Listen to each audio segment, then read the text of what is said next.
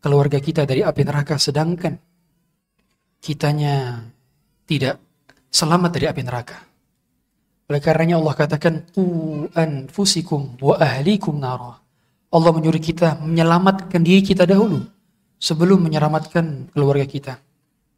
Tema pada malam hari ini akan berkenaan tentang fatherless, hilangnya figur dan peran ayah di rumah.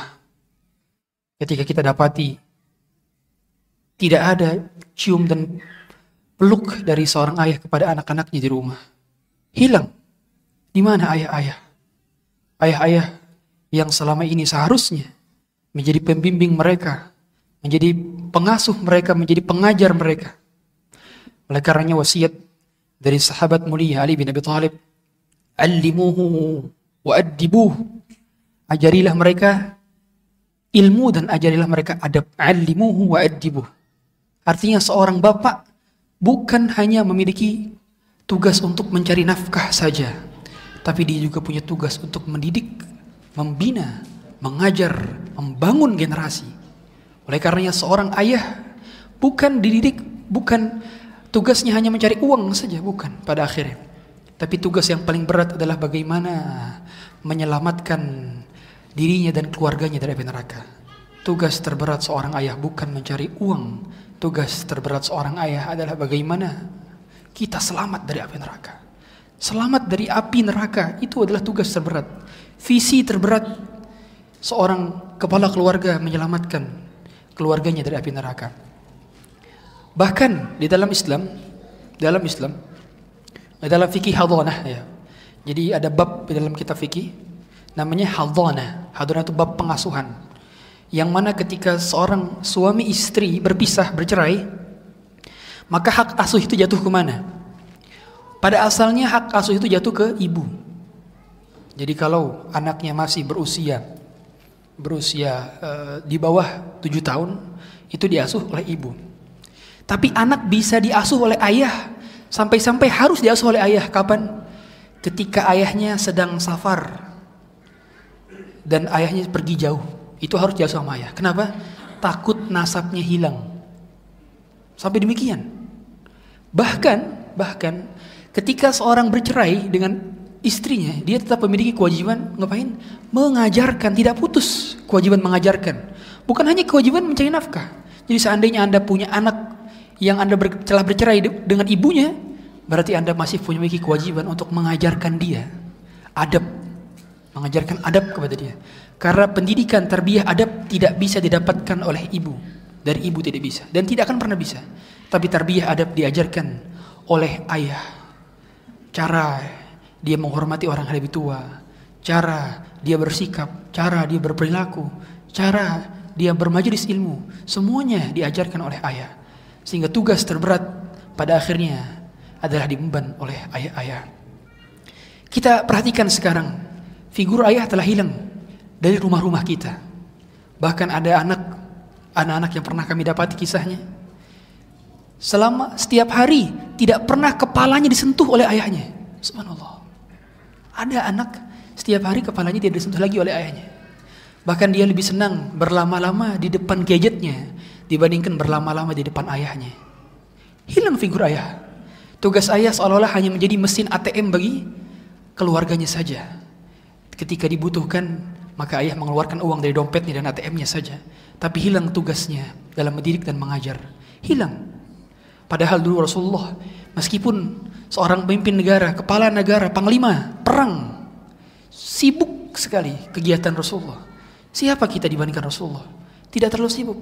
Tapi Rasulullah masih bermain dengan cucunya Hasan, cucunya Hussein. Bahkan Abu Umamah beliau gendong ketika sholat. Hussein itu dinaikkan, apa Hasan itu dinaikkan di di atas pundak beliau. Sampai ketika digendong di pundak beliau, beliau berkata, Allahumma inni uhibbu fa ahibbah. Wa ahibba man yuhibbu. Ya Allah, aku cinta dia. Maka cintailah ia juga ya Allah. Dan cintailah orang yang mencintainya. Subhanallah. Kapan kita mengucapkan kata, anak bapak sayang kamu? Kapan terakhir kita mengucapkan kata demikian? Kapan kita memeluk dan mencium kening anak kita? Kapan terakhir? Kapan kita berdoa? Berdoa sambil mengelus kepalanya, nak semoga kamu masuk surga, doain abah ya nak masuk surga. Kapan terakhir? Kapan terakhir? Figuritas kita sebagai seorang ayah betul-betul nancap tatkala betul-betul kita mengasihi anak-anak kita karena pada akhirnya mereka tidak hanya butuh uang kita saja. Iya, kita punya kewajiban mencari nafkah. Tapi lebih daripada itu, pelukan hangat, ciuman di keningnya, itulah yang lebih membekas dalam dada-dada anak-anak. Demi Allah hadirin. Seumur saya hidup, saya tidak pernah diingat ayah saya beli apa hadiah ke saya dulu. Gak ingat saya. Saya gak ingat. Banyak mainan di rumah, tapi saya lupa kapan belinya dulu. Ayah belikan. Rahimahullah, ayah saya sudah wafat. Tapi pada akhirnya yang saya ingat adalah nasihat-nasihatnya. Kamu kamu nanti pesantren, gitu terus. Setiap kali ada orang tamu, tiap hari kali ada tamu, eh, dibilangin, nah, doain nanti ini akan belajar agama. Gitu, dikenalin. Saya suruh salim sama tamu tersebut. Setiap ketemu teman ayah saya, saya selalu di, disuruh salim. Karena membekas. Pada akhirnya itu yang membekas. Saya sering kali dinasehatin tuh pas lagi ini motor. Dulu ayah saya punya motor Vespa butut. di situ saya dinasehatin, saya duduk di depan, dinasehatin. Itu yang saya ingat. Sisanya saya nggak ingat. Makanya wajar saja. Para sahabat Nabi, momen-momen bersama Nabinya ingatnya apa? Hadis riwayatkan kebanyakan ketika berkendara bersama Nabi. Sebagaimana Ibnu Abbas. Ibnu Abbas ngasih nasihat apa? Kuntu radifan Nabi sallallahu alaihi wasallam. Dahulu aku diboncengin Nabi sallallahu alaihi wasallam. Total ada sekitar 40 sahabat yang pernah diboncengin Nabi. Wah, beruntung banget ya kita. Coba kita hidup zaman Nabi itu mungkin kita bisa minta, wahai Nabi, boleh gak boncengan? Subhanallah. Ada 40 di, dikumpulkan oleh Sulaiman bin Mandah dalam kitabnya Ardafun Nabi. Itu satu kitab tuh. Kumpulan sahabat-sahabat yang pernah diboncengin Nabi. Dan semuanya punya kisah menakjubkan. Ketika berboncengan dengan Nabi, artinya apa? Nabi memerhatikan momen-momen saat memberikan nasihat. Ibarat kata nih, ini waktu itu Abdullah bin Abbas itu umur berapa? 13 tahun. Atau 10 tahunan lah, 10 tahunan. Ya, ketika beliau hijrah ke, Madinah itu masih kecil. Masih kecil. Coba, berarti apa? Ibarat kata nih, lagi nganter anak sekolah. Nah, coba deh nasihatin. Sebagaimana Rasulullah menasehati kepada Ibn Abbas. Nasihatnya luar biasa lagi, bukan nasihat macam-macam enggak. Nasihatnya nasihat kalau bahasa kita nasihat nih kalau mungkin di konteks sekarang mungkin cocoknya untuk orang dewasa gitu kan ibaratnya. Tapi tidak Nabi Rasulullah SAW tidak membanding-bandingkan pada akhirnya anak memiliki kemampuan juga untuk memahami apa bahasa daripada bapaknya. Apa nasihat Rasulullah SAW kepada Ibn Abbas? Apa? Was wasiatnya luar biasa. Ta'arraf ila Allah fi raqa ya'rifka fi syiddah. Oh kamu akan kenal kenalan kenal dengan Allah. Kenallah dengan Allah. Ketika dalam keadaan lapang maka Allah akan mengenalmu dalam keadaan sulit. Nasihat luar biasa dalam-dalam. Ihfadillahi yahfadzka ihfadillahi tajid tujahak jagalah Allah maka Allah akan menjagamu ini wasiat nih ini nasihat-nasihat seperti ini nasihat yang mungkin kalau bahasa kita itu mah nasihat orang-orang gede Ustaz tapi tidak dengan Rasulullah nasihat ini diberikan kepada kalau bahasa kita ukuran anak SD Umur 10 tahun anak SD. Tandanya apa? Dalam memberikan nasihat itu juga penting diberikan kepada anak sebagaimana nasihat-nasihat yang sering kita dengar di kajian-kajian yang disampaikan oleh para duat. Demikianlah Rasulullah. Dan itu ternyata yang paling membekas dari itu Abbas. Dan paling membuatnya menjadi salah satu sahabat yang paling berilmu. Bahkan Ibn Abbas mendapatkan gelar Habrul Hadil Ummah tintanya umat ini karena ilmunya begitu banyak. Bahkan menjadi staf ahli negara pada usia 17 tahun di zaman Umar bin Khattab. Mengapa bisa? Kecilnya didik Nabi. Kecilnya dinasihatin oleh Nabi. Dan nasihatnya bukan nasihat macam-macam. Bukan cuma nak jangan main app-app ya, nggak gitu. Anak kamu jangan nongkrong sini nggak nggak cuma gitu. Tapi nasihatnya powerful. Kapan kita menasihati anak kita? Kapan kita mengungkapkan cinta kepada anak kita? Kapan terakhir kita mencium anak kita? Kapan terakhir? Makanya dalam hal cium saja itu ada babnya, ada babnya. Ya. Kalau cium pipi tandanya cium kepada anak kasih sayang. Cium kepala cium kepada orang tua. Itu ada ada ada ada, ada babnya. Makanya Ibnu Imam Ibnu Qayyim rahimahullah taala itu punya kitab namanya Tuhfatul Mahbub atau Maudud fi Ahkamil Maulud. Tentang bagaimana fikih kalau ini isinya fikih sebetulnya. Fikih tentang anak ya. Maulud itu anak, anak yang baru lahir anak kecil. Tentang akikah, tentang tahnik, tentang pengajaran kepada anak, adab-adabnya, kapan diajarin sholat dan seterusnya. Ini kitab bagus sekali. Dan yang menarik, di mukadimah-mukadimah awal daripada kitabnya, beliau menjelaskan kebanyakan kata beliau yang menjadi kerusakan anak-anak adalah bersumber dari bapaknya sendiri. Subhanallah.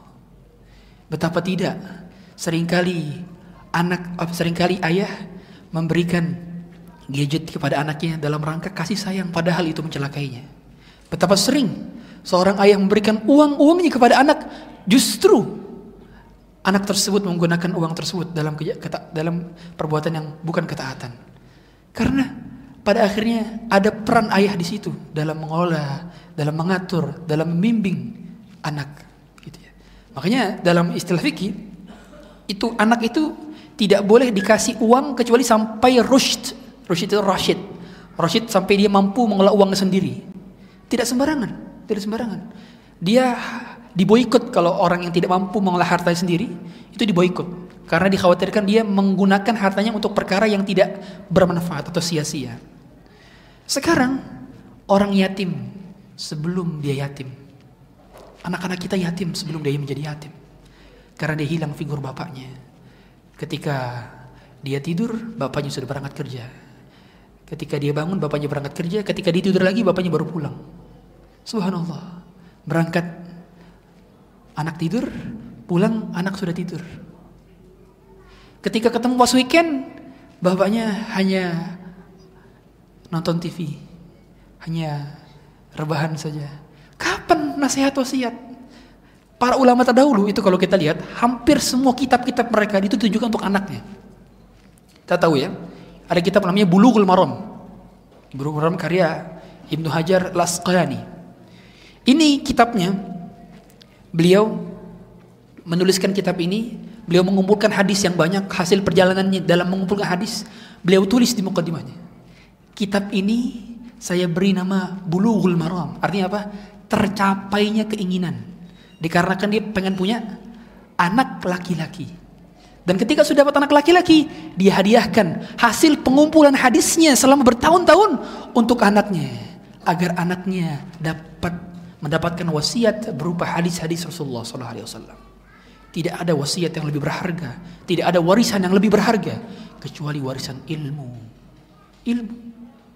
Karena apa? Ketakwaan tidak mampu diwariskan. Bapak yang takwa tidak bisa diwariskan langsung kecuali bapaknya menyuruh anaknya juga sama-sama bertakwa dan sama-sama menuntut ilmu.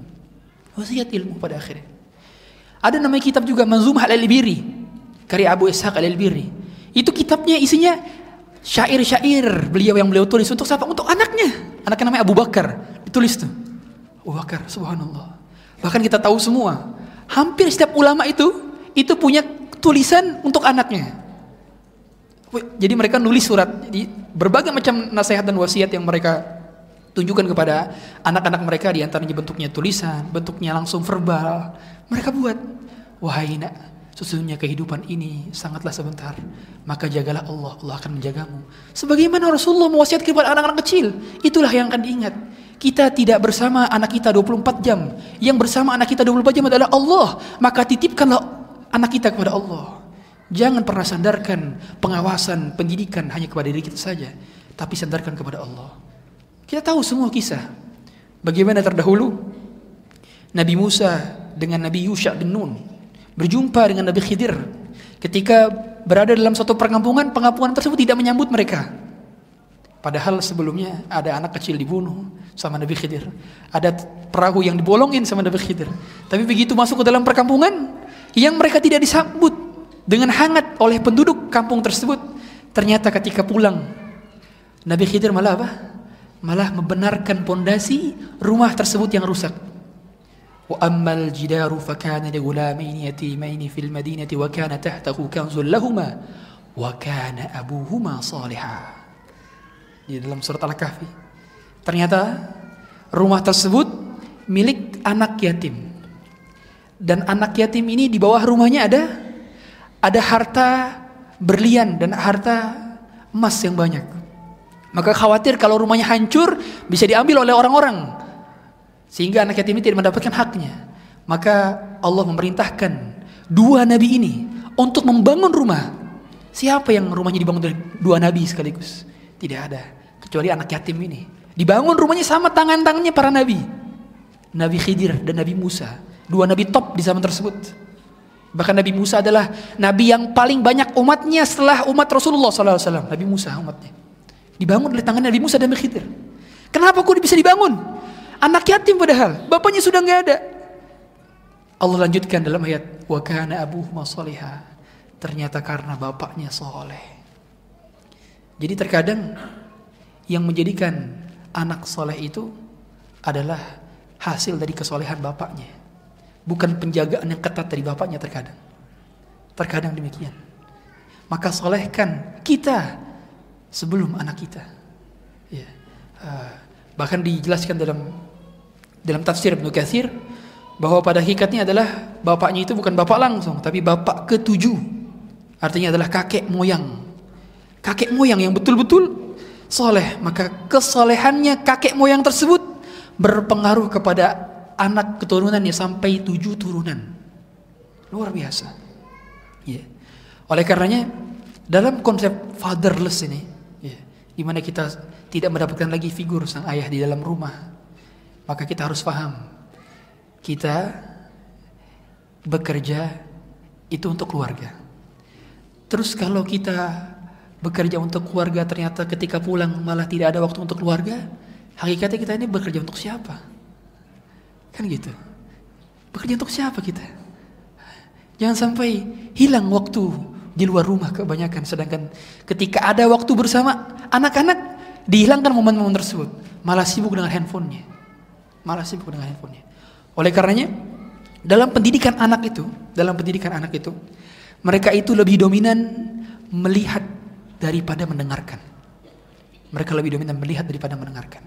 Oleh karenanya kalau di rumah sudah diajarin sama ibunya nak kamu kalau makan pakai tangan kanan. Dia lupa pakai tangan kiri lagi. Nak kamu kalau makan pakai tangan kanan, ibunya ulang-ulang berkali-kali berbagai tempat. Seketika bapaknya pulang, minum pakai tangan kiri. Hilang seketika. 24 jam ibu di rumah dengan satu contoh dari bapak yang dilakukan dengan minum pakai tangan kiri. Hilang sudah pendidikan. Hancur setelah itu dia cukup dengan contoh melihat, tuh bapak aja pakai tangan kiri. Subhanallah. Satu contoh buruk sudah menghancurkan pendidikan yang diajarkan bertahun-tahun. Maka jangan pernah tampakkan keburukan kita di depan dia. Karenanya ada keluarga yang mereka berusaha gimana caranya anak kita katanya ini tidak memegang handphone sebelum dia masuk usia SD. Coba gimana? Caranya adalah sebelum kita bertemu dia, kita matikan handphone dulu. Jangan sampai anak ini ngeliat handphone kita. Ke distract nantinya nanti pada akhirnya. Betapa banyak sekarang anak terkena penyakit mental, terkena penyakit jiwa dikarenakan kecanduan kepada gadget. Makanya ada penelitian, kalau dalam sehari penggunaan handphone kita lebih daripada dua jam, berarti kita berpotensi terkena penyakit mental lebih besar daripada orang yang menggunakan handphone kurang dari dua jam. Ada penelitian seperti itu. Apalagi anak kecil yang sudah dari awal terpapar distraksi dengan dunia digital maka mereka akan mudah sekali terkena gangguan sindrom dan banyak sekali kita dapati kasus demikian. Oleh karenanya penting untuk para bapak sekalian mencontohkan yang baik-baik saja di depan anaknya. Nabi Ibrahim, Nabi Ibrahim kita lihat. Nabi Ibrahim kalau kita lihat pelajaran banyak dapat dari kisah Nabi Ibrahim. Semuanya ada pelajaran dari Nabi Ibrahim. Tapi kita lupa bahwa ada pelajaran Nabi Ibrahim sebagai figur seorang ayah. Allah katakan millata abikum Ibrahim. Agama bapak kalian, agamanya Ibrahim, abikum Ibrahim. Betul berarti kita disuruh untuk mencontoh Nabi Ibrahim dari segi figur sebagai seorang ayah. Kita lihat bagaimana Nabi Ibrahim mendidik anaknya bukan menyuruh untuk berbuat ketaatan, tapi mengajak bersama-sama untuk melakukan ketaatan. Wa idh yarfa'u Ibrahimul qa'ida minal baiti wa Ismail. Ketika Ibrahim mendirikan kembali pondasi Ka'bah bersama anaknya Ismail. Artinya, Nabi Ibrahim tidak hanya menyuruh anaknya, silakan buat Ka'bah. Kamu buat Ka'bah tolong, tapi mengajak bersama-sama dalam berbuat ketaatan. Makanya antara bapak dengan anak harus ada aktivitas ketaatan bersama-sama. Kapan aktivitas ketaatan bersama-sama kita bersama anak? Jangan sampai bapaknya ikut pengajian, anaknya dibiarkan saja tidak ikut pengajian. Bapaknya ke masjid, anaknya tidak diajak ke masjid. Bapaknya masuk surga sendirian. Surga itu terlalu luas. Apabila dimasukin aku dan kamu, terlalu luas. Makanya surga harus kita ajak keluarga-keluarga kita masuk ke dalamnya dengan cara mengajak mereka. Maka Nabi Ibrahim tidak hanya menyuruh, tapi mengajak. Dan pada akhirnya anak-anak itu akan mudah kita atur kalau kita dikagumi dan diteladani. Sangat mudah, sangat mudah. Contoh bukti konkretnya Rasulullah SAW. Rasulullah SAW pernah mukul sahabat perutnya, ya, tahu ya kisah. Ya, meskipun dibersihkan riwayatnya para ulama. Pernah mukul perut sahabat dengan kayu untuk dibenarkan softnya. Rasulullah pernah jewer kupingnya Anas bin Malik, pernah. Tapi semua yang pernah Rasulullah didik tersebut diberikan punishment oleh Rasulullah, apakah mereka marah kepada Rasulullah? Tidak. Justru tetap menjadikan Rasulullah sebagai orang yang paling mereka cintai. Mengapa demikian? Karena mereka kagum kepada Rasulullah. Begitu pula anak. Anak kalau sudah kagum dengan kita, kita marahi pun, kita hukum pun, mereka tidak akan pernah marah, justru makin cinta dengan kita. Demikianlah pada akhirnya. Pendidikan itu harus membangun kedekatan antara pihak yang mendidik dengan pihak yang dididik. Mau tidak mau. Mau tidak mau. Dan Rasulullah SAW juga punya banyak cara dalam didik. Ya. Di antaranya Rasulullah itu pernah ada dahulu sahabat sahabat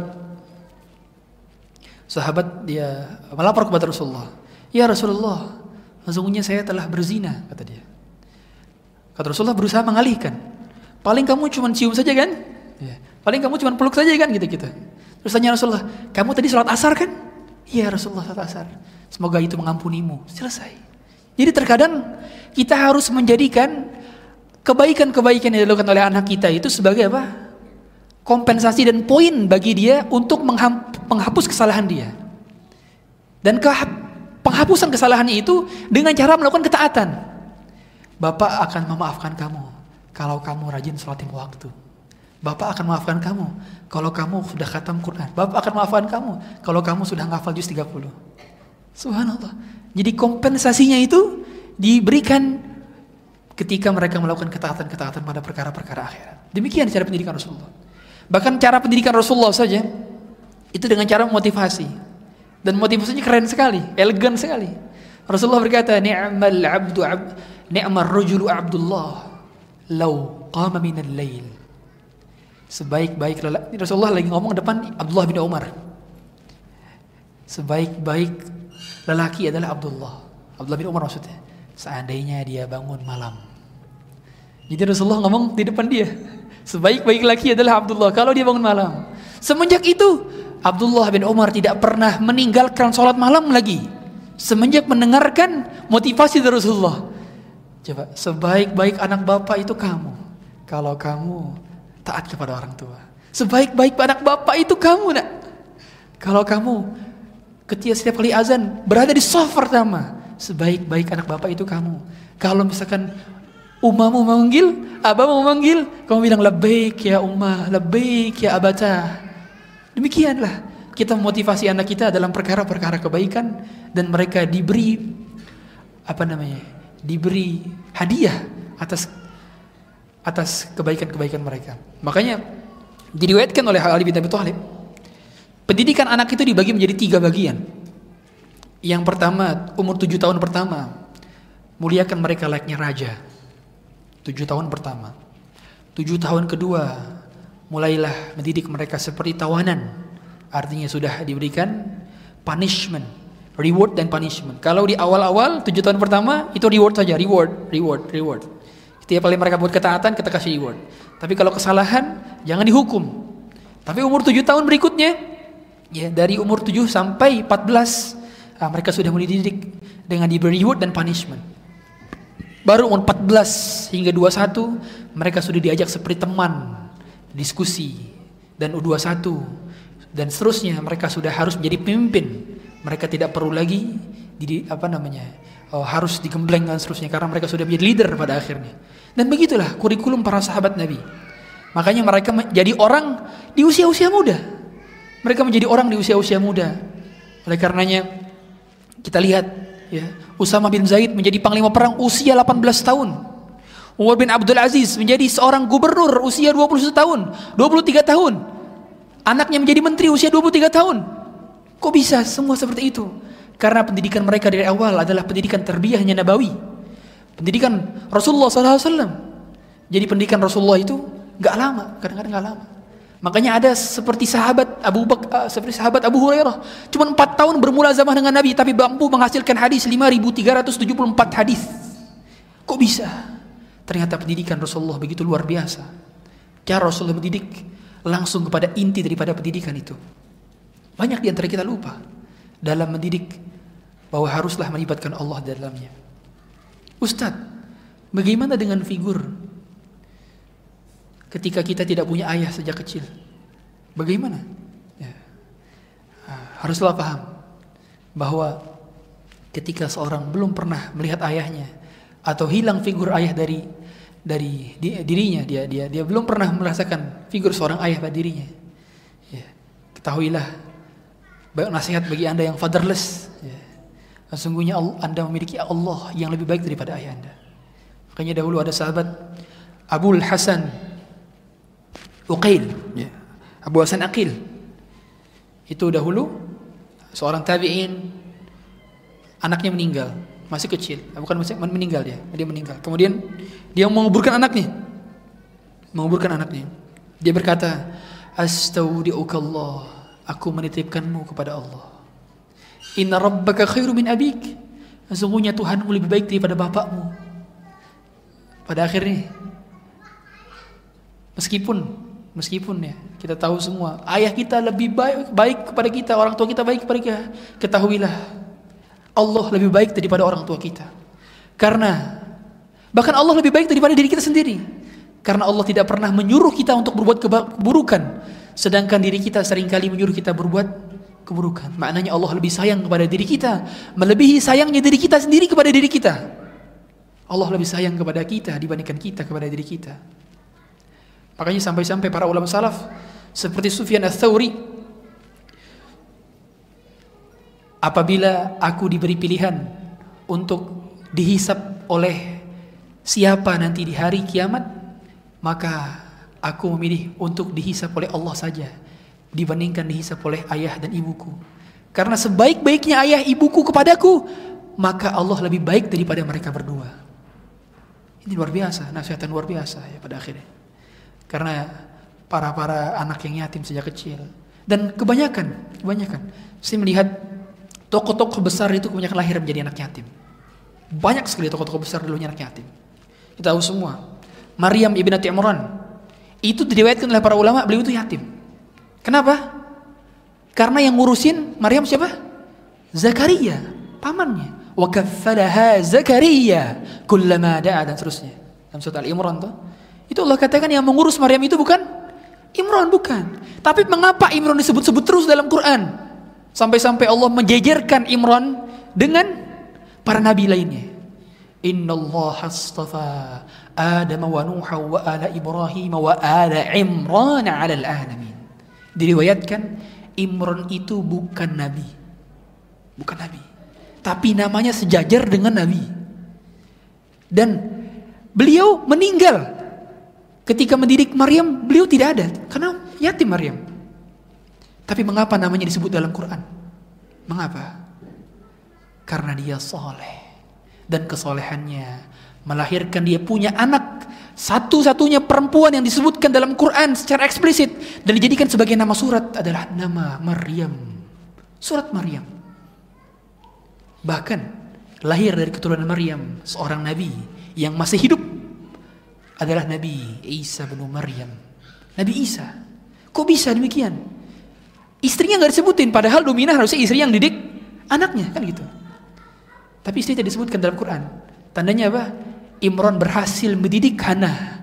Nama nama istri daripada Imran adalah Hana, disebutkan oleh para ulama tafsir. Kemudian Hana berhasil mendidik Maryam sehingga jadilah Maryam. Kata Rasulullah SAW, kafaka min nisa'il alamin. Cukuplah bagi kalian perempuan yang terbaik sepanjang sejarah peradaban manusia adalah Maryam ibnatu Imran. Kemudian Khadijah, kemudian Fatimah, kemudian Asia. Empat yang disebutkan secara eksplisit oleh Rasulullah SAW dalam hadis riwayat Ahmad. Maknanya, Maryam menjadi istimewa, ada peran orang tua di dalamnya. Ada peran ayah di dalamnya. Kita tahu semua, Rasulullah SAW tidak ada yang lebih yatim dibandingkan Rasulullah. Belum pernah lihat wajahnya. Diriwayatkan oleh para ulama, ayahnya meninggal usia ketika beliau 10 bulan di kandungan. Ibundanya meninggal ketika beliau usia enam tahun dalam ketika perjalanan mengunjungi makam ayahnya. Maka kata para ulama, Allah mengirimkan cobaan berlapis-lapis kepada Rasulullah SAW sehingga tidak ada yang sempurna keyatimannya melebihi yatimnya Rasulullah SAW. Siapa yang lebih yatim daripada Rasulullah? Yang meninggal kedua orang tuanya saat kala beliau belum balik. Siapa? Maka tidak ada orang yang pernah merasakan rasanya dan sedihnya menjadi anak yatim kecuali dahulunya dia pernah menjadi anak yatim. Tidak ada orang yang pernah yang sayang kepada anak yatim melebihi orang yang dahulunya pernah menjadi anak yatim. Banyak saya dapati, saya dulu pernah merasa jadi anak yatim. Alhamdulillah. Saya dulu suka merasa kalau suka dipanggil untuk ikut-ikut santunan. Saya paling malu kalau ikut santunan-santunan. Gak mau saya kabur uh, disuruh kamu dapat undangan ikut santunan di Pak Haji ini gitu. Saya kelari nggak mau, saya nggak mau ikut. Saya malu karena malu dijajarin seperti itu, dikasihani, saya malu sekali. Harusnya itu anak yatim dikasih datengin ke rumah-rumah, harusnya. Bukan dengan cara diajarkan. Karena pada akhirnya malu.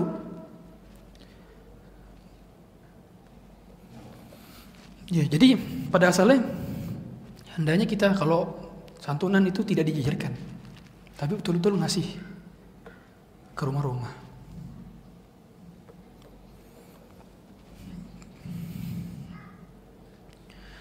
Dikarenakan memang ada hati anak yatim tersebut yang memang gampang terluka. Makanya anak yatim sunnahnya Rasulullah adalah di usap kepalanya. Dulu ada sahabat ya, mengunjungi Rasulullah. Um, hatinya uh, apa namanya keras. Kata Rasulullah, "Idza aradta an yalina qalbuk fat'imil miskina wamsah ra'sal yatim." Kalau kamu ingin hatimu lembut, maka kasih makan orang miskin dan usaplah kepala anak yatim. Sekarang banyak anak-anak yang yatim sebelum waktunya. Ke mana bapaknya? Ke mana bapaknya mendidiknya? Hilang figur bapak di rumah. Maka dahulu Umar bin Khattab itu sampai-sampai pernah mengutus seorang dari Bani Aslam untuk menjadi seorang gubernur, ya, gubernur. Umar bin Khattab jadi khalifah dipanggil seorang dari Bani Aslam untuk dilantik. Nah, Bani Aslam ini ngelihat Umar bin Khattab main-main sama cucunya, kata dia, "Subhanallah, penakluk Persia, menaklukkan berbagai negeri-negeri ternyata Main-main sama anak kecil katanya. Kemudian kata kata apa namanya? Kata Umar bin Khattab, "Kamu tidak merasa sayang dengan dengan hal semacam ini?" kata.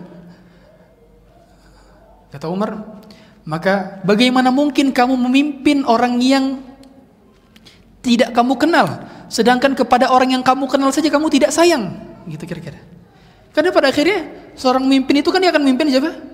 Akan memimpin orang yang nggak dia kenal. Sedangkan orang yang dikenal saja dia tidak sayang kepadanya. Maka banyak sekali ulama meriwayatkan hadis, man la yarham la yurham. Siapa yang tidak memiliki rasa kasih sayang, maka dia tidak akan disayangi oleh yang di langit. Rasulullah irhamu man fil ardi yarhamkum man fis sama. Sayangilah yang di bumi, maka Allah akan sayangi kita. Makhluk yang di langit akan menyayangi kita kalau kita sayang dengan makhluk di bumi. Oleh karenanya, ketika momen kita bersama anak harus dimanfaatkan dengan baik, dengan baik pada akhirnya.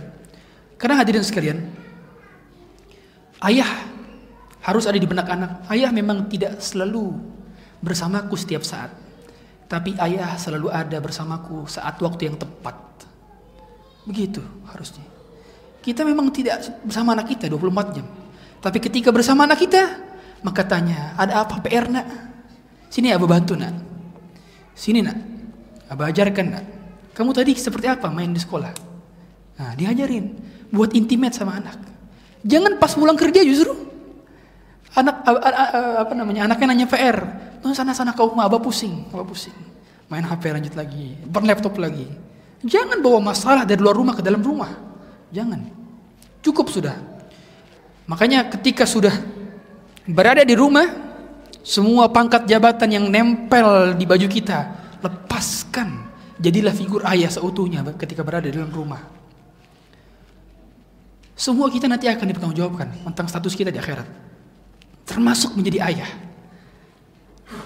Yauma yafirrul mar'u min akhihi wa ummihi wa abihi wa sahibatihi wa banihi. Bahkan Allah gambarkan di hari kiamat para suami akan lari dari istrinya, bapak akan lari dari anaknya. Imam Al-Imam Ibnu Jarir At-Tabari menjelaskan mengapa bapak bisa lari dari anaknya. Kata para ulama, karena takut anaknya menuntut. Ya Allah, bapak saya tidak mengajarkan saya sholat-sholat ya Allah. Ya Allah, saya main HP dijebarin aja sama anak sama bapak saya ya Allah. Ya Allah, saya ketika bersama bapak saya saya nggak pernah dinasihatin sama bapak saya ya Allah. Ya Allah, bapak saya ya Allah mencontohkan yang tidak baik di depan saya ya Allah, merokok di depan saya ya Allah sehingga saya menjadi perokok sekarang karena saya melihat bapak saya ya Allah akan menuntut dan mereka akan takut berjumpa dengan anaknya sendiri karena mereka merasa akan dituntut oleh anaknya, istrinya, bahkan oleh orang-orang terdekatnya. Takut kita. Karena pada akhirnya di hari kiamat nanti semua akan saling nuntut menuntut. Menuntut menuntut. Kalau tugas kita sebagai seorang ayah tidak benar, kita akan dituntut oleh anak kita. Anak kita akan menjadi beban bagi kita nanti di hari kiamat. Justru bukan kalau bukan dalam ketaatan. Makanya wa inna auladakum min kasbikum. Sesungguhnya anak kita itu bagian daripada usaha jerih payah kita. Kitalah yang menentukan, menenungkan benih.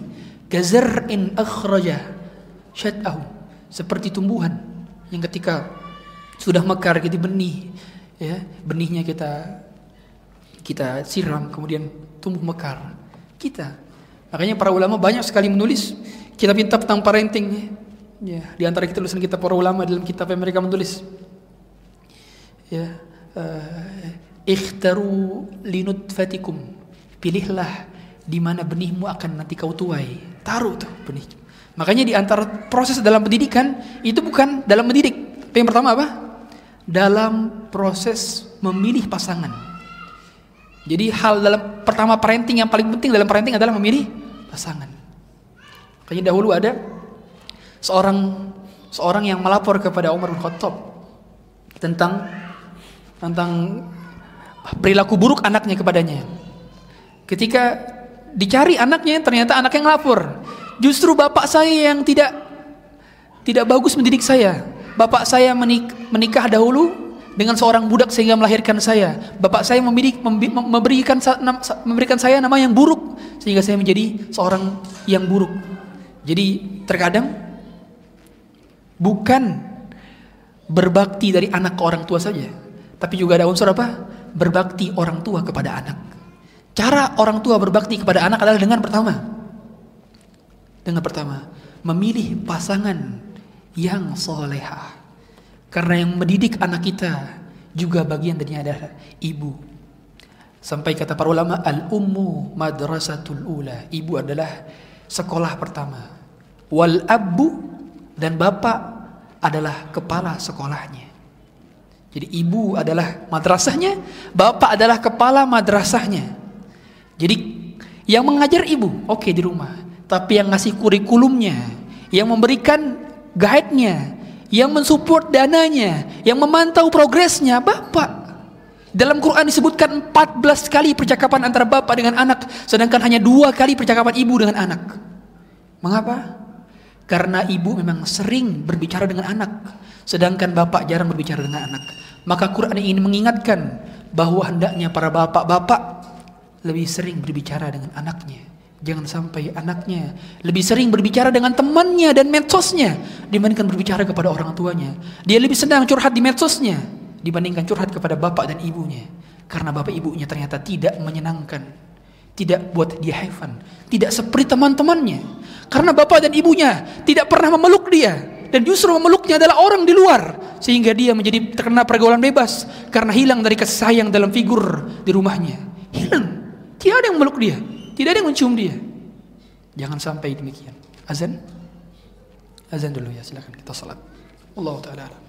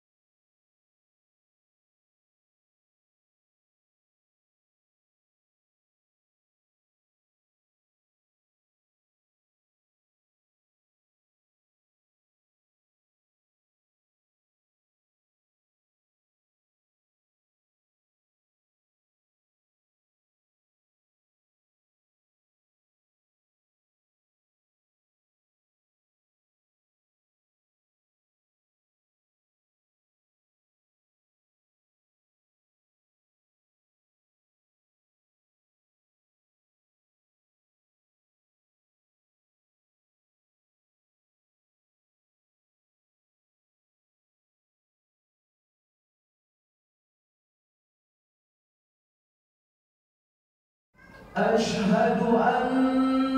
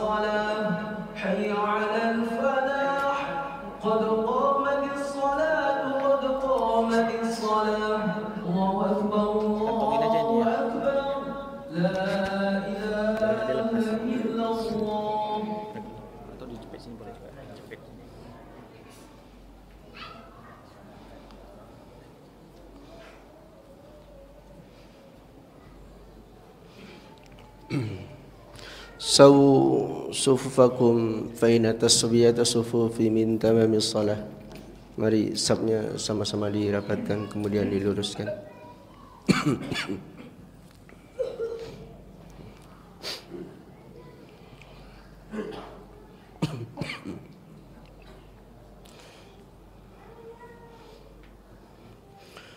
Allah Akbar.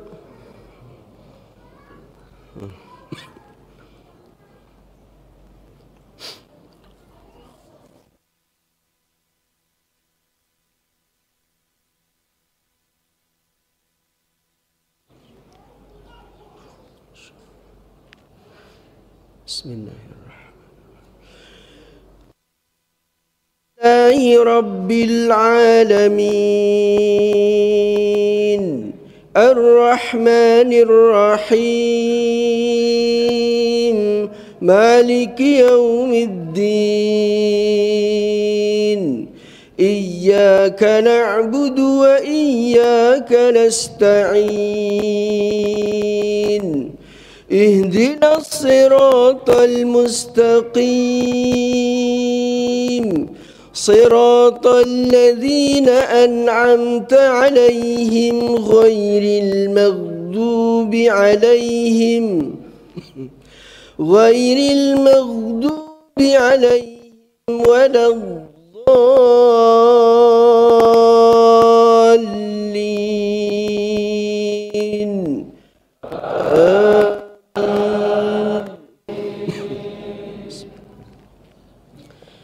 الذين يخشون ربهم مغفرة وأجر كبير. وأسروا قولكم أو اجهروا به إنه عليم بذات الصدور. ألا يعلم من خلق وهو اللطيف الخبير؟ هو الذي جعل لكم الأرض ذلولا في مناكبها فامشوا في مناكبها وإليه النور أأمنتم من في السماء أن يخشم الأرض؟ أن يخشف بكم الأرض فإذا هي تمور. أم أنتم السماء أن يرسل عليكم حاسبا فستعلمون كيف نذير. ولقد كذب الذين من قبلهم فكان نكير. أولم يروا إلى الطير فوقهم صافات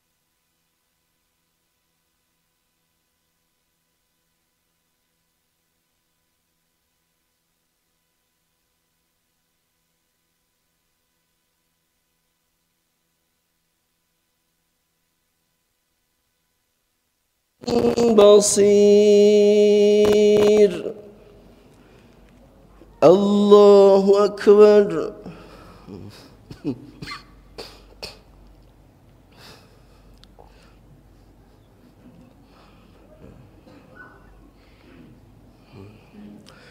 سمع الله لمن حمده.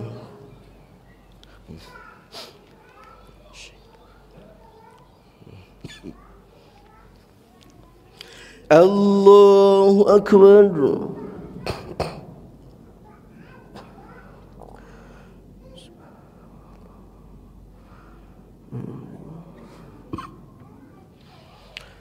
الله أكبر.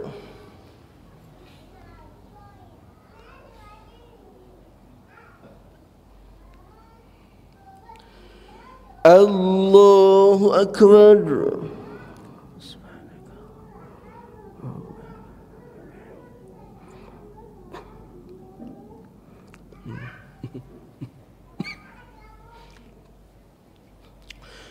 الله أكبر. بسم الله. الحمد لله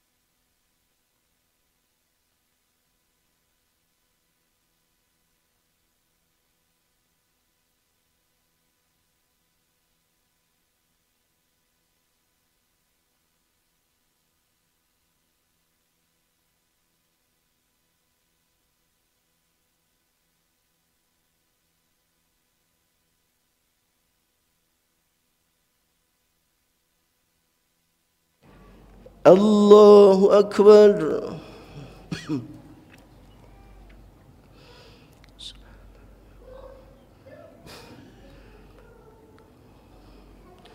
سمع الله لمن حمده.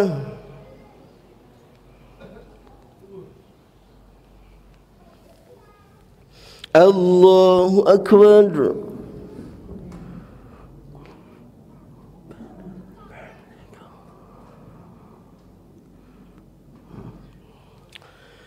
الله أكبر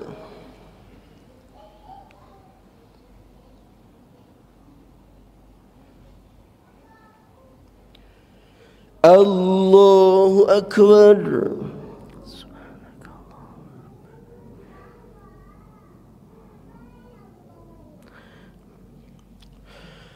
الله أكبر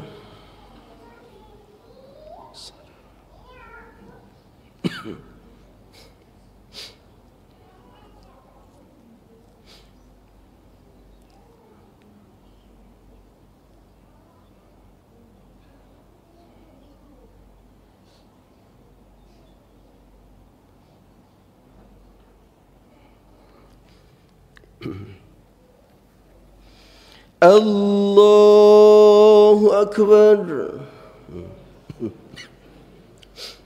بسم الله الحمد لله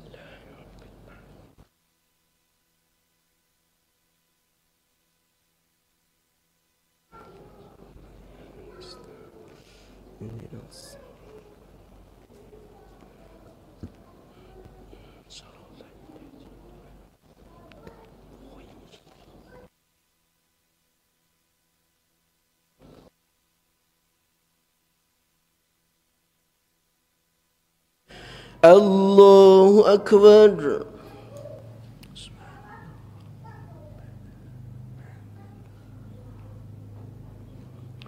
سمع الله لمن حمده.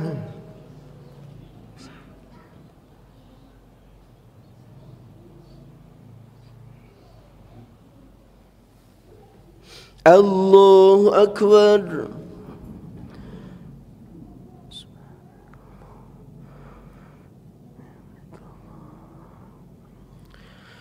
الله أكبر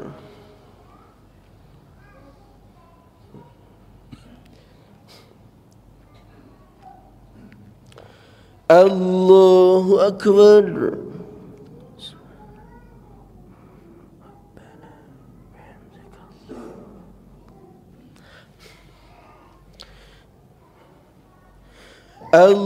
الله أكبر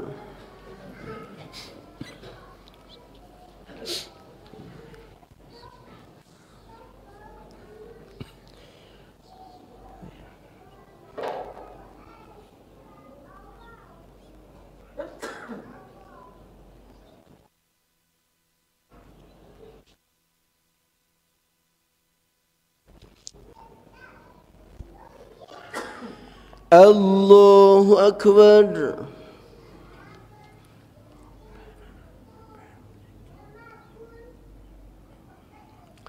سمع الله لمن حمده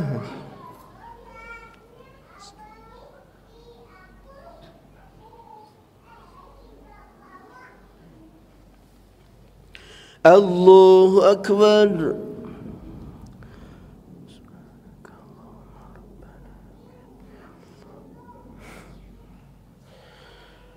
الله أكبر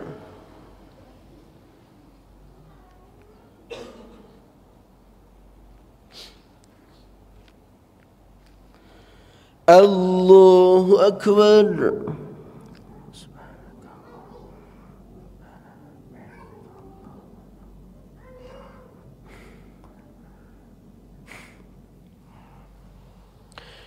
الله أكبر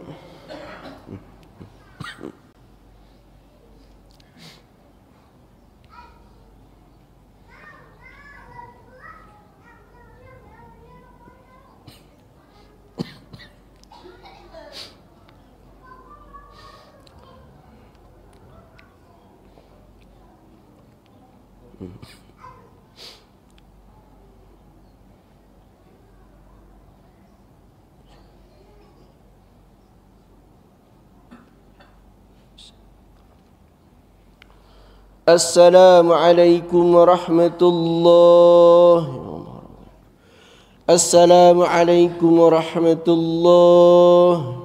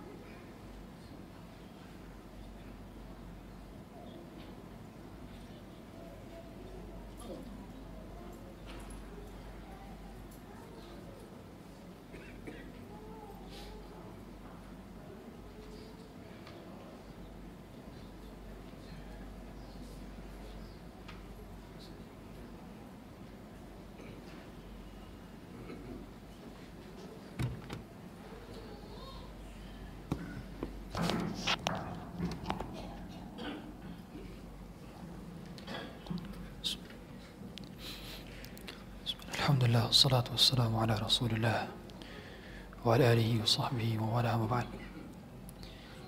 حضرين الله سبحانه وتعالى لكرنانيا الله سبحانه وتعالى di dalam banyak ayat menyebutkan tentang ar-rijal. Rijalun ar-rijal qawwamuna 'alan nisa rijalun la tulhihim mengenai seorang lelaki, seorang bapak, seorang suami, seorang ayah disebutkan dan ditaruh di awal ayat tanpa ada mukaddimahnya. Kata para ulama ini menjadi penanda bahwa betul-betul seorang bapak, ayah, suami, lelaki itu memiliki tanggung jawab yang besar bagi baiknya sebuah keluarga. Contoh di dalam surat An-Nisa ayat 34. Ar-rijalu qawwamuna 'alan nisa. Laki-laki itu pemimpinnya perempuan. Sifat qawwam, qawwamun itu itu adalah satu kata yang sudah cukup mewakili tentang apa sebetulnya tugas seorang laki-laki. Apa sebetulnya tugas bapak? Itu qawwam. Allah Subhanahu wa taala ketika memberikan tugas, maka Allah berikan satu kata saja. Jadi kalau kita mau tahu apa tugas kita sebagai seorang lelaki, cukup kita cari tahu tentang apa arti dari qawwamah dalam tafsir-tafsir kitab-kitab para ulama mengenai tafsir surat An-Nisa ayat 34. Karena sifat qawwamah, makna daripada qawwam itu mencakup berbagai macam makna. Makna qawwam itu bukan hanya pemimpin, tapi pendidik, pengayum, pengasuh, pengarah, pengajar, hakim ketika ketika bawahan melakukan kesalahan dibenarkan, pengislah, banyak tugas-tugas seorang ayah pada akhirnya.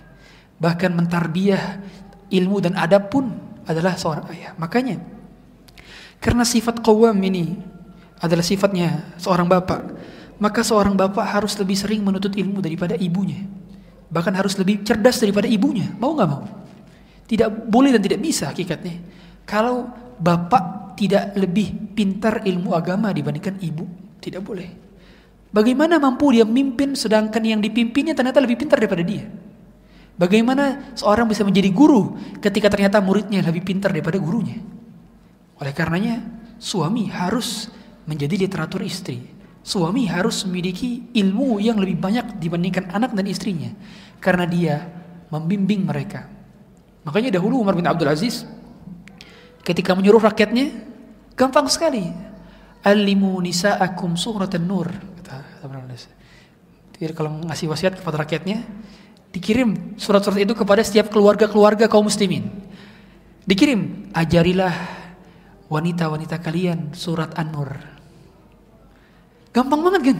Cuman nyuruh siapa? Nyuruh kepala keluarga doang. Suruh ajari keluarga mereka surat An-Nur. Bagaimana mungkin mereka mau mengajari kalau mereka tidak punya ilmu yang itu? Ternyata memang di zaman tersebut bapak-bapaknya lebih paham ilmu agama dibanding ibu-ibunya. Berbeda zaman sekarang kita lihat pengajian dan majelis taklim lebih banyak dihadiri oleh ibu-ibunya dibandingkan bapak-bapaknya. Padahal kebutuhan bapak-bapak terhadap ilmu agama lebih butuh daripada ibu-ibu sebetulnya. Karena bapak memiliki kewajiban mengajarkan kepada mereka. Makanya sering terjadi perceraian yang saya dapati dari curhatan jemaah-jemaah. Kebanyakan mereka berpisah dikarenakan yang bertaubat dan hijrah hanya ibu-ibunya saja. Yang perbaiki sholat hanya emak-emaknya saja. Ternyata bapak-bapaknya masih wakam kaki, masih ngerokok, nggak mau bertaubat, nggak mau hijrah bareng. Ternyata cuma ibu-ibunya doang. Ibu-ibunya kerudungnya udah panjang. Setiap kajian dihadiri. Bapak-bapaknya ke mana? Harusnya bapaknya yang mengajak anak dan istrinya ikut kajian. Harusnya bapaknya yang mengajak Semuanya dalam ketaatan. Begitulah pada akhirnya. Oleh karenanya, setiap kali ada ayat diawali dengan rijalun, ar-rijal. Ada kata-kata ayat ar-rijal, rijal saja dalam Quran. Duduk kita sejenak. Perhatikan, catat apa sebetulnya yang Allah inginkan dari kita. Apa yang Allah inginkan dari kita. Contoh, Allah mengatakan rijalun la tulhihim tijaratun wala bay'un an dzikrillah.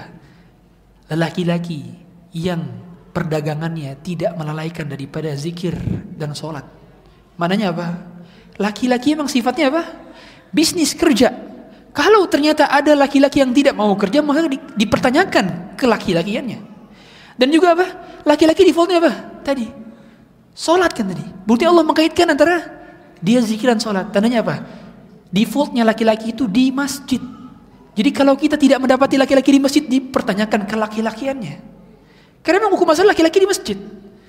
Maka jangan sampai kan Allah bilang jangan sampai perdagangannya melalaikan dari ke masjid. Artinya sifat asal laki-laki berada di masjid. Dan sifat asal laki-laki apa? Berdagang, berbisnis, bekerja.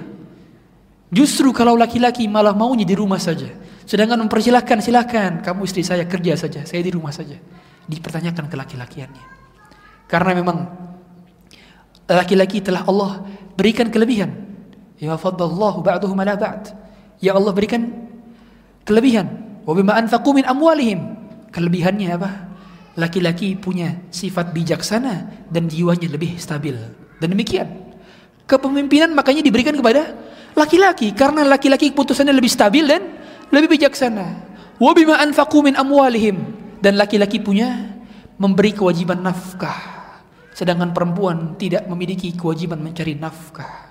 Maka kemampuan mencari nafkah inilah yang menjadikan lelaki lebih utama dibandingkan wanita dalam segi pengajaran, dalam segi pendidikan, dalam segi ilmu agama. Segala hal. Hakikatnya laki-laki diciptakan untuk mengayomi. Maka bapak-bapak, jangan pernah kita hilangkan figur kita sebagai seorang bapak di rumah. Jangan hanya statusnya bapak, tapi tidak menjadi bapak di rumah. Ya. Rasulullah ketika sudah bersama cucu-cucunya, bermain bersama cucu-cucunya. Bersaing. Rasulullah seolah-olah melupakan jabatan seorang pemimpin negara. Lupakan jabatan sebagai seorang paling perang. Tapi ketika sudah bermain dengan Hasan dan Husain, ketika sudah bermain dengan cucu-cucunya yang lain, bahkan Rasulullah SAW ketika ketika Ibrahim anaknya yang umur pada itu umur 2 tahun, ya, baru saja nah kata Rasulullah ketika Ibrahim meninggal dunia, ya wa innal aina la tadma, innal aina la tadma. Sesungguhnya air keluar dari mata. Wa innal qalba la yahzan, hati ini sedih. Wa inna bi firaqika ya Ibrahim lamahzunun. Sesungguhnya kami dengan kepergianmu wahai Ibrahim sangatlah sedih. Rasulullah sampai meneteskan air matanya tanpa bersuara. Tandanya memang ayah selalu kehadirannya harus dirindukan dan ayah harus selalu menjadi idola bagi anak-anaknya. Mereka tidak harusnya tidak perlu mencari idola lagi, idola lain di luar rumah karena mereka telah mendapati idola di rumahnya. Maka bagaimana bisa kita setiap kali kita memberikan nasihat mereka taati, jadilah pribadi yang mengagumkan. Bagaimana jadi pribadi yang mengagumkan? Maka kita setiap kali punya kelebihan harus ditampakkan kepada mereka dan dibicarakan kepada mereka. Agar mereka senang dan bangga memiliki punya orang tua seperti kita. Makanya penting nih bagi ibu-ibu ketika ayahnya pergi dari rumah dia harus baik-baikin ayahnya. Nah, masya Allah ayah kamu nak, kamu nanti harus mendani seperti ayah kamu nak. Ayah kamu udah begini, begini, begini, begini, masya Allah. Begitu pula bapaknya ketika berbincang dengan ibunya, eh, ketika berbincang dengan anaknya bilang kebaikan-kebaikan ibunya. Sekarang anak tidak. Coba tes anak-anak kita, tes anak-anak kita. Siapa di sini yang mau seperti jadi bapaknya? Mungkin gak ada yang angkat tangan. Siapa di sini yang mau seperti ibunya? Mungkin gak ada yang tangan tangan. Karena mereka tidak pernah diceritakan tentang kebaikan bapak ibunya oleh bapak ibunya sendiri. Dan bapak ibunya tidak pernah mencontohkan kebaikan itu di depan anak-anaknya. Maka tampakkanlah kebaikan. Tampakkanlah kebaikan. Jadilah contoh, tidak hanya memberi contoh. Oleh karenanya penting bagi kita untuk mempraktekkan ketaatan, keteladanan di depan mereka. Betul-betul tampakkan ketaatan di depan mereka. Sayangi ya, istri kita. Tampakkan kecintaan kita kepada istri kita dengan begitu dia akan menyayangi ibunya. Begitu pula kita perlihatkan sebagai istri, tampakkan pelayananmu kepada suamimu. Dengan begitu nantinya dia akan hormat kepada bapak, bapaknya. Anaknya akan hormat kepada bapaknya.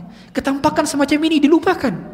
Seolah-olah kewajiban kita hanya sekedar memberikan makan dan memberikan uang saja, bukan mendidik. Oleh karenanya, penting bagi kita untuk melihat bagaimana kisah-kisah para ulama terdahulu, bagaimana mereka mendidik anak. Seringkali kita dapati seperti Umar bin Abdul Aziz. Umar bin Abdul Aziz itu dididik di Madinah, tidak berjumpa dengan bapaknya. Bapaknya di Mesir. Bapaknya menjadi menjadi gubernur kota Mesir. Sedangkan Umar bin Aziz dididik ya Abdullah Abdullah bin Umar dididik di sana. Ya. Subhanallah, luar biasanya. Tapi Umar bin Abdul Aziz bisa tumbuh sebagai pribadi yang menakjubkan. Bagaimana tidak? Ternyata bapaknya meskipun tidak mendidik secara langsung, tapi bapaknya mengawasinya, mengirim surat sering-sering, dijaga bahkan ketika anak melakukan kesalahan, ditegur agar dihukum. Tandanya apa? Bapak memang tidak selalu hadir bersamamu, tapi Bapak selalu ada padamu di saat waktu yang tepat. Maka hadirlah pada saat anak butuh. Hadirlah pada saat mereka sedang membutuhkan kita. Maka figur-figur ini harus kita tancapkan dalam diri kita masing-masing. Dan jangan pernah, jangan pernah sungkan untuk minta maaf. Ini hal yang lupa dari kita. Jangan pernah malu untuk minta maaf kepada anak, kepada pasangan. Nak, maafin bapak nak. Bapak tidak baik menjadi seorang bapak. Bapak tidak menjadi bapak yang terbaik untukmu. Maafkan bapak nak. Sampai kemari istri kita juga. Ya. Umi, Uma, ya. Bapak mohon maaf, ya. saya tidak menjadi suami yang baik untuk kamu. Sampaikan. Dan pada akhirnya tidaklah setiap permohonan maaf itu menurunkan derajat tidak, justru malah membuat bertambah izzah. Mazada fil afu illa izzah. Tidaklah bertambah pada setiap kalau kita mulai minta maaf, bertambah justru kemuliaan dan tidak akan menurunkan derajat martabat kita. Kapan terakhir kita minta maaf kepada anak? Kapan? Kapan terakhir kita minta maaf kepada istri? Kapan? Kita tidak sempurna dan pada akhirnya tidak akan bisa sempurna. Maka satu ketika memang kita pasti akan melakukan kesalahan, maka sering-seringlah minta maaf dan jangan sungkan untuk minta maaf. Dengan begitu, secara tidak langsung kita sedang mengajari kepada anak-anak kita tentang pentingnya minta maaf dan tidak malu dalam minta maaf. Ya. Bahkan mertua kami, ya, rahimahullah taala, itu setiap jam 3, ini sedikit cerita saja, semoga Allah merahmati beliau. Setiap jam 3, jam 3 subuh, itu WA semua anak-anaknya. Anaknya ada 6. Semua di WA tuh. Di WA-in apa? Suruh bangun sholat malam. Suruh bangun sholat malam. Setiap malam. Jadi kalau dibuka tiap malam itu, dibuka. Isinya, nak bangun tahajud. Bapak mendoakan, tolong doakan Bapak. Subhanallah. Nasihati begitu sederhana, menyentuh dan itu pada akhirnya dibutuhkan oleh anak, dibutuhkan oleh seorang bapak menasihati anaknya. Sederhana padahal, cuma teks WA saja, tapi teks WA tersebut sudah luar biasa menakjubkan. Makanya sering-sering kalau kita WA sama anak jangan cuma nah, kamu taruh kunci di mana, taruh kunci motor di mana, jangan cuma sekedar hal itu, tapi berikanlah nasihat-nasihat menakjubkan. Kalau bisa setiap kali ada ada kutipan-kutipan faedah-faedah kajian sampaikan di WA di grup keluarga. Alhamdulillah tadi Bapak mengikuti kajian. Nasihati anak kita. Eh, karena dasarnya tidaklah ilmu yang kita dapatkan di setiap kajian majelis ilmu tujuan adalah untuk mengajarkan mereka di rumah dan langsung dipraktekkan dalam bingkai praktek yang benar. Karena kita tidak hanya dituntut untuk menasihati, tapi kita diperintahkan juga untuk menjadi contoh pada akhirnya. Mungkin demikian dapat kami sampaikan. Nah, sisanya ada kuis di sini. Kuis apa yang buat yang nanya nih? Bebas ya. Ada berapa nih? Masya Allah, ada lima. Boleh. Kuis saja kuis. Karena kalau kuis biasanya biasanya dia nyatet nih, nyatet. Ya. Pertanyaan nih.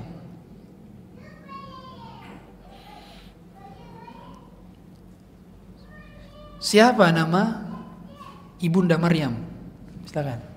Betul, Masya Allah. Barakallahu fiik. Dede, sorry. Fadal. Barakallahu fiik. Nah, dapat door prize tuh. Apa nih door prize bang? Sembako. Masya Allah. Sembako. Lumayan. ya. Ini ibu buat ibu-ibu berapa nih? Dua. Dua. Ah, dua buat ibu-ibu. Bagus. Eh, pertanyaan berikutnya. Pertanyaan berikutnya.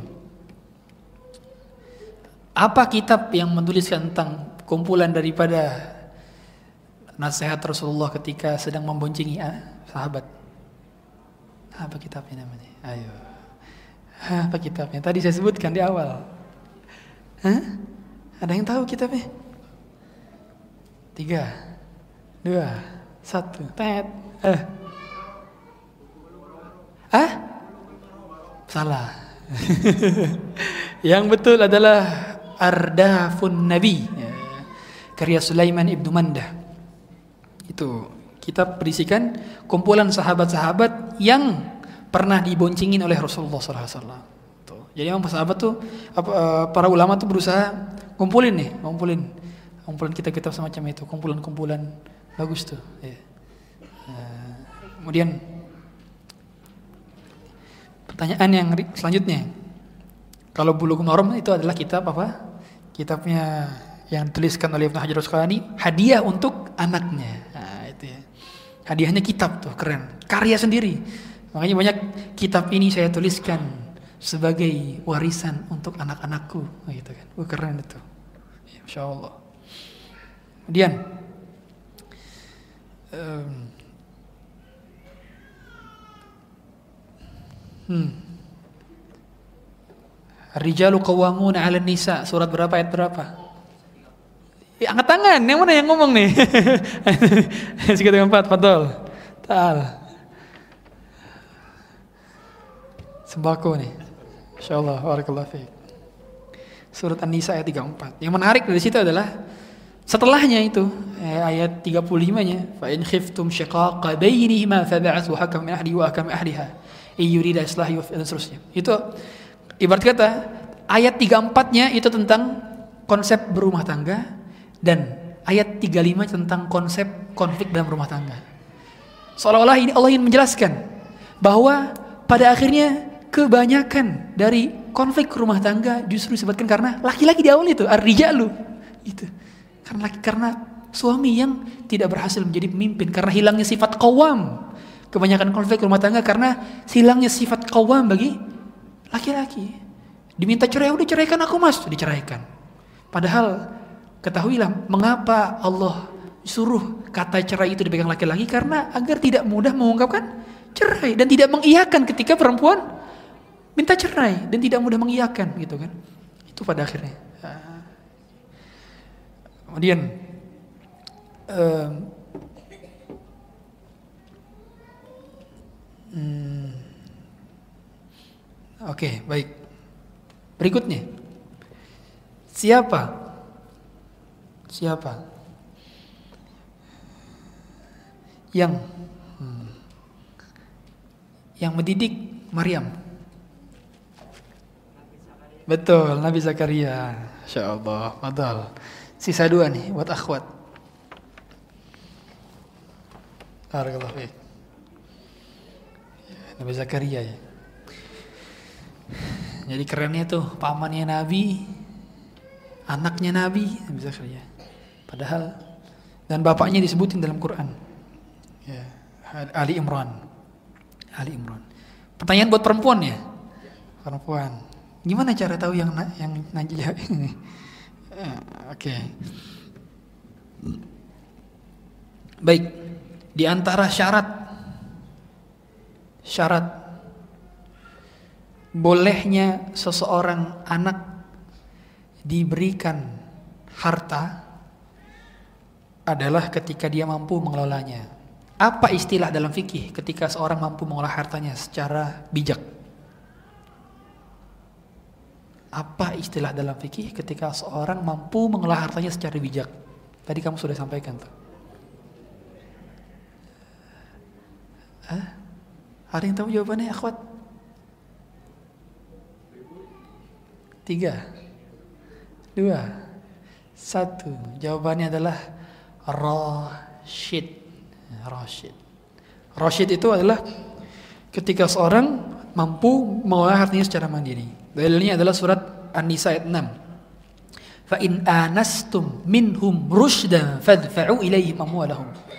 Kalau kamu telah dapati anak yatim telah mampu rushd, rushd itu mengolah harta sendiri, maka kasih harta itu kepada mereka. Jadi anak yatim tetap punya hak waris. Meskipun dia masih bayi, tetap punya hak waris. Jangan dipakai sama ibunya, nggak boleh itu, nggak boleh. Bahkan anak itu kan contoh, seorang suami meninggalkan istri dan anak. Istri dapat berapa? Seperlapan doang. Anak dapat sisanya tujuh perlapan. Nggak boleh dipakai sama ibunya itu. Nggak boleh. Makanya kenapa? Dijaga harta anak yatim itu disimpan. Disimpan kalau bisa diinvestasikan supaya bertambah hartanya. Baru ketika mereka sudah mampu mengolah harta, ya dikira nih, oh, dia, dia jago bisnis nih, dia jago dagang nih, dikasih itu harta untuk modal dagangnya. Baru kayak gitu. Itu Islam. Makanya Islam itu adalah agama yang paling menjaga harta. Sampai-sampai apa? Hadiah saja tidak boleh diberikan kepada perlombaan-perlombaan yang tidak bermanfaat, nggak boleh. Tidak boleh ada hadiah dari main masukin paku ke dalam botol, dari gundu digigit pakai apa? Pakai sendok, dari makan kerupuk itu nggak boleh dikasih hadiah. Kenapa? Karena sangat menjaga harta, sehingga harta tidak boleh dikeluarkan pada perkara yang sia-sia. Itu sangat menjaga harta Islam itu. Makanya kata Rasulullah kepada kepada Amr bin As ya, ya adalah apa? Ni'mal malus salih lirrajulis salih. Sebaik-baik harta soleh adalah ketika dipegang oleh orang-orang soleh. Jadi bagus tuh kalau harta dipegang sama Pak Haji ini, Pak Haji itu bagus itu bagus. Makanya harus tuh pada akhirnya kaum muslimin yang mengelola perekonomian, bukan orang-orang Yahudi ya, itu ya. Selanjutnya, hmm, masih ada dua lagi berarti, belum jawab ya. Ah. Baik, pertanyaan berikutnya. Siapa yang pernah diangkat jadi staf ahli negara di zaman Umar? Siapa? Umur 17 tahun diangkat jadi staf ahli negara di zaman Umar. Ada yang jawab, akhwat?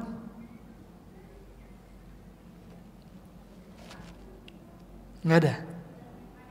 Ada. Betul, Mumtaz. Barakallahu fiik. Ibnu Abbas. Silakan.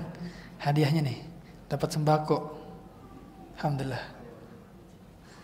Lumayan sembako. Antar. Itu lagi, sekali lagi. Pertanyaan berikutnya. Siapa yang dibonceng Nabi tatkala Nabi SAW haji Arafah, haji di Arafah? Di pinggiran Jabar Rahmah. Dibonceng Nabi itu ada siapa sahabat ini bonceng Nabi? Dibonceng Nabi. Waduh, keren banget dibonceng Nabi. Hah? Salah. Ada lagi yang tahu? Akhwat silahkan yang lain. Tebak-tebakan aja nggak apa-apa. Salah nggak dimalu oh, Medan kok.